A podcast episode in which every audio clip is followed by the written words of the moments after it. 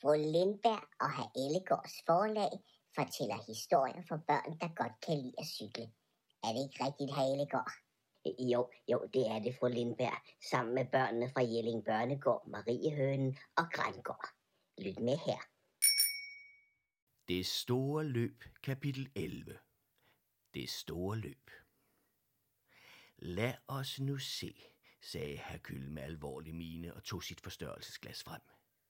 Det samme gjorde Jacques, og så begyndte de at kigge hele baggården igennem for spor. Indimellem stoppede de op med et hmm, løftede en ting op, eller bukkede sig ned og kiggede med forstørrelsesglasset. Men rystede så på hovedet og kiggede videre. Der var ikke meget at finde, og det så ud som om, at tyven havde slettet alle spor. Men så alligevel ikke. Hov, sagde herr Kyl pludselig, og bukkede sig ned for at samle en lille fjer op. Han holdt fjeren op foran forstørrelsesglasset og drejede den rundt. Hmm, mumlede herr og kiggede over på Jacques.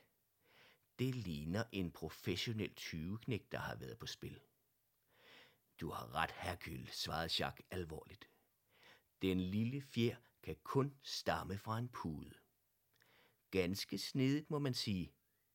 Jeg vil tro, at tyveknægten har brugt puden til at trække hen over sine fodspor og dermed slette dem. Men så nemt narer man ikke Jacques og Hercule, udbrød Hercule og pegede over mod et nedløbsrør. Der er et fodspor, tyven har glemt. Og ganske rigtigt, man kunne lige nøjagtigt ane et lille fodspor der, hvor nedløbsrøret løb ned i en lille kloak. Jacques og Hercule skyndte sig over for at undersøge fodsporet. At dømme på størrelsen brugte tyven en størrelse 42, og så var der midt i fodsporet et lille mønster, der lignede en lille mølle. Ser du det samme som jeg? spurgte Jacques og kiggede på Hercule. Det gør jeg, svarede Hercule. Det fodspor og den mølle har vi set før. Og det er næppe tilfældigt, at fodsporet er lige ved nedløbsrøret, fortsatte Jacques snedigt. Hercule nikkede lige så snedigt. Sagen er klar. Det er den berømte klatretyv Laurent Letrec, der har været på spil. Nemlig, fortsatte Jacques. Han er kendt for at stjæle legetøj fra børn. Han kommer altid ind ved at klatre op og ned af nedløbsrør, og så går, eller skulle jeg sige, klatrer han altid i nogle helt specielle sko fra en hemmelig skummer på Montmartre. Denne skummer trykker altid en mølle på sålerne af sine sko. Det gav et gip i alle bamserne, da detektiverne nævnte Laurent Letrecs navn. Han, han, han lyder farlig, gispede herr Ellegård. Ja, Laurent Letrec er ikke så farlig i virkeligheden.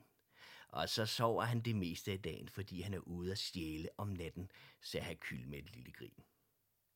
Men, men, men hvordan finder vi ham, spurgte fru Lindberg. Han gemmer sig vel? Han gemmer sig helt sikkert, svarede Jacques. Men øh, vi ved, hvor han bor. Øh, øh, hvor? Fru Lindberg var nu blevet lidt utålmodig og ville gerne have cyklerne tilbage. Han bor højt oppe under taget i en baggård oppe på Montmartre, svarede Hercule. Følg med denne vej. Og så skyndte bamserne sig ud af Francines baggård og løb så hurtigt som små bamser kunne i retning af Montmartre. Der er langt op til Montmartre, så vi må hellere hoppe ombord på bussen der, råbte Monsieur Paul, mens de løb på gaden. Og så hoppede de alle hurtigt ind i en bus, der var på vej til Montmartre. Ved Place Pigalle for foden af Montmartre hoppede de af igen og gik nu op ad en skummel og mørk gade. Vi skal ind her, råbte Jacques, da de kom forbi en lille port ved siden af en gammel maskendiser. De gik ind igennem porten og kom ind til en lille baggård med vasketøj i alle farver, hængende på tørresnore hen over gården og gamle ting, som tilhørte maskendiseren. Han bor deroppe under taget, sagde Hercule og pegede op mod et lille åbent vindue lige under tagranden. Der er kun én vej, og det er op ad nedløbsrøret. Au, der er langt op, udbrød herr Olsen. Ja, det er der, svarede Hercule. Er der en af jer, der er god til at klatre? Der blev helt stille, og alle bamserne kiggede rundt på hinanden. De fleste af dem var ikke så glade for at klatre højt op. Men heldigvis var der en, der meldte sig. Det er jeg, svarede Theo fra Toulouse. Hvad skal jeg gøre? Theo fra Toulouse var jo cirkusbamse, og der skal man kunne mange ting. Du skal klatre op af nedløbsrøret og kravle ind af vinduet, svarede Jacques. Indenfor sidder Laurent Letric sikkert i sin lænestol og sover til middag. Undgå at vække ham, og find så cyklerne. Jeg vil tro, de gemmer sig i hans grå sæk til 20 koster. Det kan jeg sagtens, men hvad gør jeg, når jeg finder cyklerne, spurgte Theo fra Toulouse. Kan du se rebet ved siden af nedløbsrøret, spurgte Jacques og pegede op mod noget, der hang lige midt imellem vinduet og nedløbsrøret. Theo fra Toulouse nikkede. Det reb bruger Laurent Letric til at hejse sine 20 koster op og ned med. Brug det til at hejse cyklerne ned med, når du finder dem. Som sagt, så gjort. Theo fra Toulouse klatrede op ad nedløbsrøret og kravlede ind af vinduet. Kort tid efter kom han tilbage med den første cykel, og en efter en blev cyklerne hejst ned, og nu manglede Theo fra Toulouse bare selv at klatre ned. Men da han skulle til at kravle ud af vinduet, kom han til at vælte en lille potteplante på gulvet. Der lød et brag, og Laurent Letrick vågnede af sin middagslur.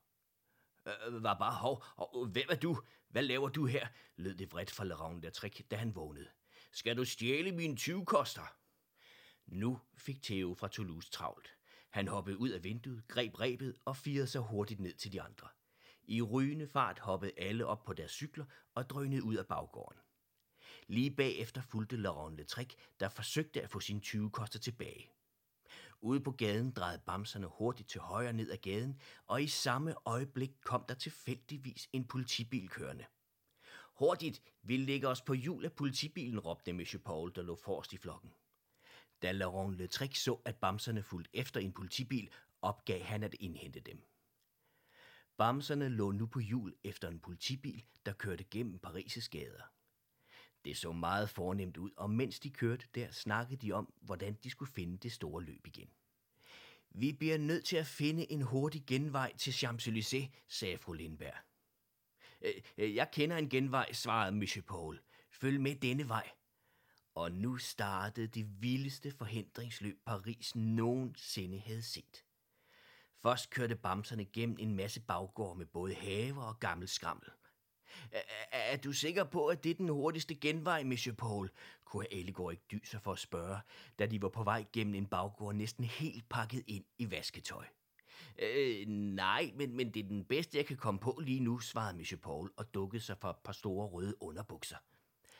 Det var dog nok ikke den bedste genvej, for mens de alle forsøgte at dukke sig for vasketøjet, kørte de ind i noget gammelt skrammel med et ordentligt brag. Det bullerede og bragede så meget, at det næsten lød som et tordenvejr. Heldigvis skete der ikke noget for de fleste af bamserne. Herr Ellegaard væltede dog og punkterede på begge hjul. Men her viste det sig heldigvis, at bamserne virkelig var blevet et rigtigt cykelhold. Anna lappede hurtigt herr Elgårds cykel, mens Dr. Clara satte et plaster på hans pande. hurtigt var de op på cyklerne igen og skyndte sig ud af baggården. Bag dem på vejen ud kunne bamserne lige nå at se den ældre mand komme rendende ned for at tage sit vasketøj ind. Han troede til synligheden, det var tordenvejr og snart ville begynde at regne. Ude af baggården lagde bamserne sig på hjul af en damptrummel, der kørte ned ad gaden. Det skulle dog vise sig at være en dårlig idé, da den kørte meget langsomt. Så bamserne besluttede sig for at overhælde damptrumlen. Det skulle de dog heller ikke have gjort, for de kørte direkte ind i noget meget varmt asfalt og hang fast med deres cykler. Og mens de stod og hæv i cyklerne for at få dem fri, kunne de se damptrumlen langsomt nærme sig. I sidste øjeblik lykkedes det at få alle cyklerne fri, og Anna måtte igen redde situationen.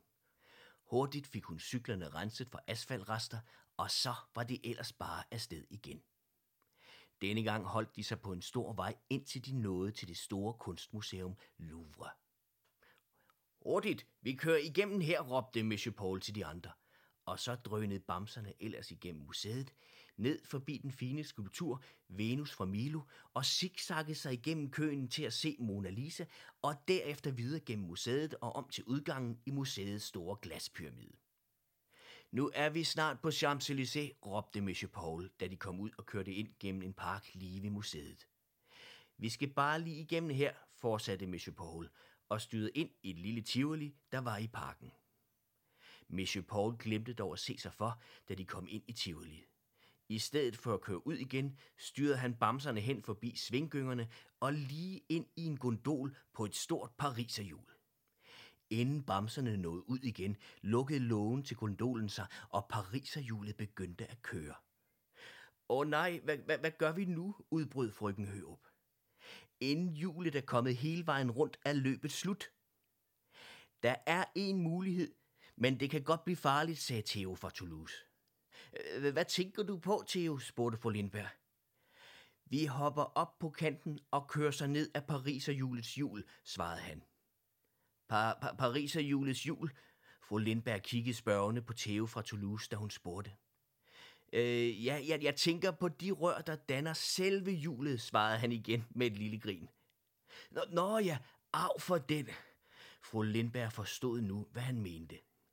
Hvis det er det, der skal til, så er det det, vi gør. Er I med? De andre bamser nikkede. De ville ikke udgå at løbe så tæt på målet. Theo fra Toulouse tog nu over og forklarede, hvordan det skulle gøres. Bare hop op på kanten af gondolen og derefter over på hjulets kant. Husk, det vigtigste er ikke at køre stærkt, men holde balancen. Er det forstået? Bamserne nikkede, men det kom nu alligevel til at gå lidt stærkt. En efter en hoppede de op på kanten af gondolen og derfra over på hjulet. Derefter begyndte de at køre ned af Pariserhjulets kant og røg så med fuld fart ind midt på Champs-Élysées. Lige tids nok til at se de store cykelryttere kom kørende direkte imod den længere nede af gaden. Feltet kommer der, råbte Eddie og pegede ned mod de store cykelryttere. Hurtigt vendte bamserne cyklerne om og sprintede det bedste, de havde lært i retningen af målet.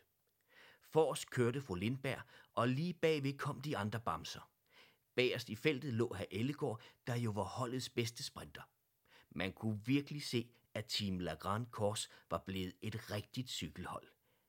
De skiftedes til at føre, ligesom herr William havde lært dem på den gamle cykelbane, og selvom forfølgerne kom nærmere og nærmere, lykkedes det bamserne at holde føringen, og fru Lindberg og herr Ellegård kunne til sidst i fællesskab køre frem og sprinte over stregen som de første. Jublen ville ingen ende tage blandt publikum, da de små bamser sprinte hen over målstregen, og bamserne kastede sig i armene på hinanden. Team Lagrand Kors havde vundet det store løb. Tæt på målet havde Francine stillet sin lille båd op, og da hun så bamserne køre ned ad Champs-Élysées og over målstregen, undrede hun sig. Da hun kørte hjemmefra til morgen, sad bamserne jo i hendes køkken. Men hun blev ligesom de andre publikummer også begejstret over at se bamserne sprinte over stregen. Så hun skyndte sig over for at juble sammen med dem og for at redde dem fra at blive kørt ned, når de store cykelryttere kom kørende. Samtidig kom en kontrollør løbende og begyndte at skælde ud på Francine. Hun grinede dog blot af ham og løftede bamserne op i hendes ladcykel, der stod ved siden af båden. Det var godt, I ikke kørte ind i min pandekagebåd denne gang, men i stedet kom over målstregen, sagde hun grinende. I har fortjent en pokal. Og så gik de alle over til en lille turistbåd og købte en lille plastikudgave af den store pokal. Den var mageløs. Og bagefter kørte de hjem og satte sig i Francines køkken. Her fik de pandekager med is og appelsinsovs og mødte Francines børn. Og da de havde spist alle pandekagerne, legede de sammen med børnene, som ingen af dem havde leget i mange år. Det var noget så fantastisk. Og da det blev sent, faldt de i søvn på en hylde på børnenes værelse. Det havde været den bedste af alle dage. Det var det kapitel. Ja, det var det, men øh, der er heldigvis et kapitel mere. Man skal bare trykke videre på sin lyttedims. Ja, ja, ja, det er nemlig rigtigt. Og au, fik vi, fik vi nævnt, at øh, det store løb er produceret af børne- og ungeforvaltning og dagtilbud i Vejle Kommune, sammen med Usal Jelling og, og Historielab, og, og sammen med Marie Hørn og Grandgård og, og, og, og Jelling Børnegård, ja, ja, og så lige venligst Radioteater også. Øh, au ja, det var vi lige ved at glemme. Nå, nå nu er det sagt.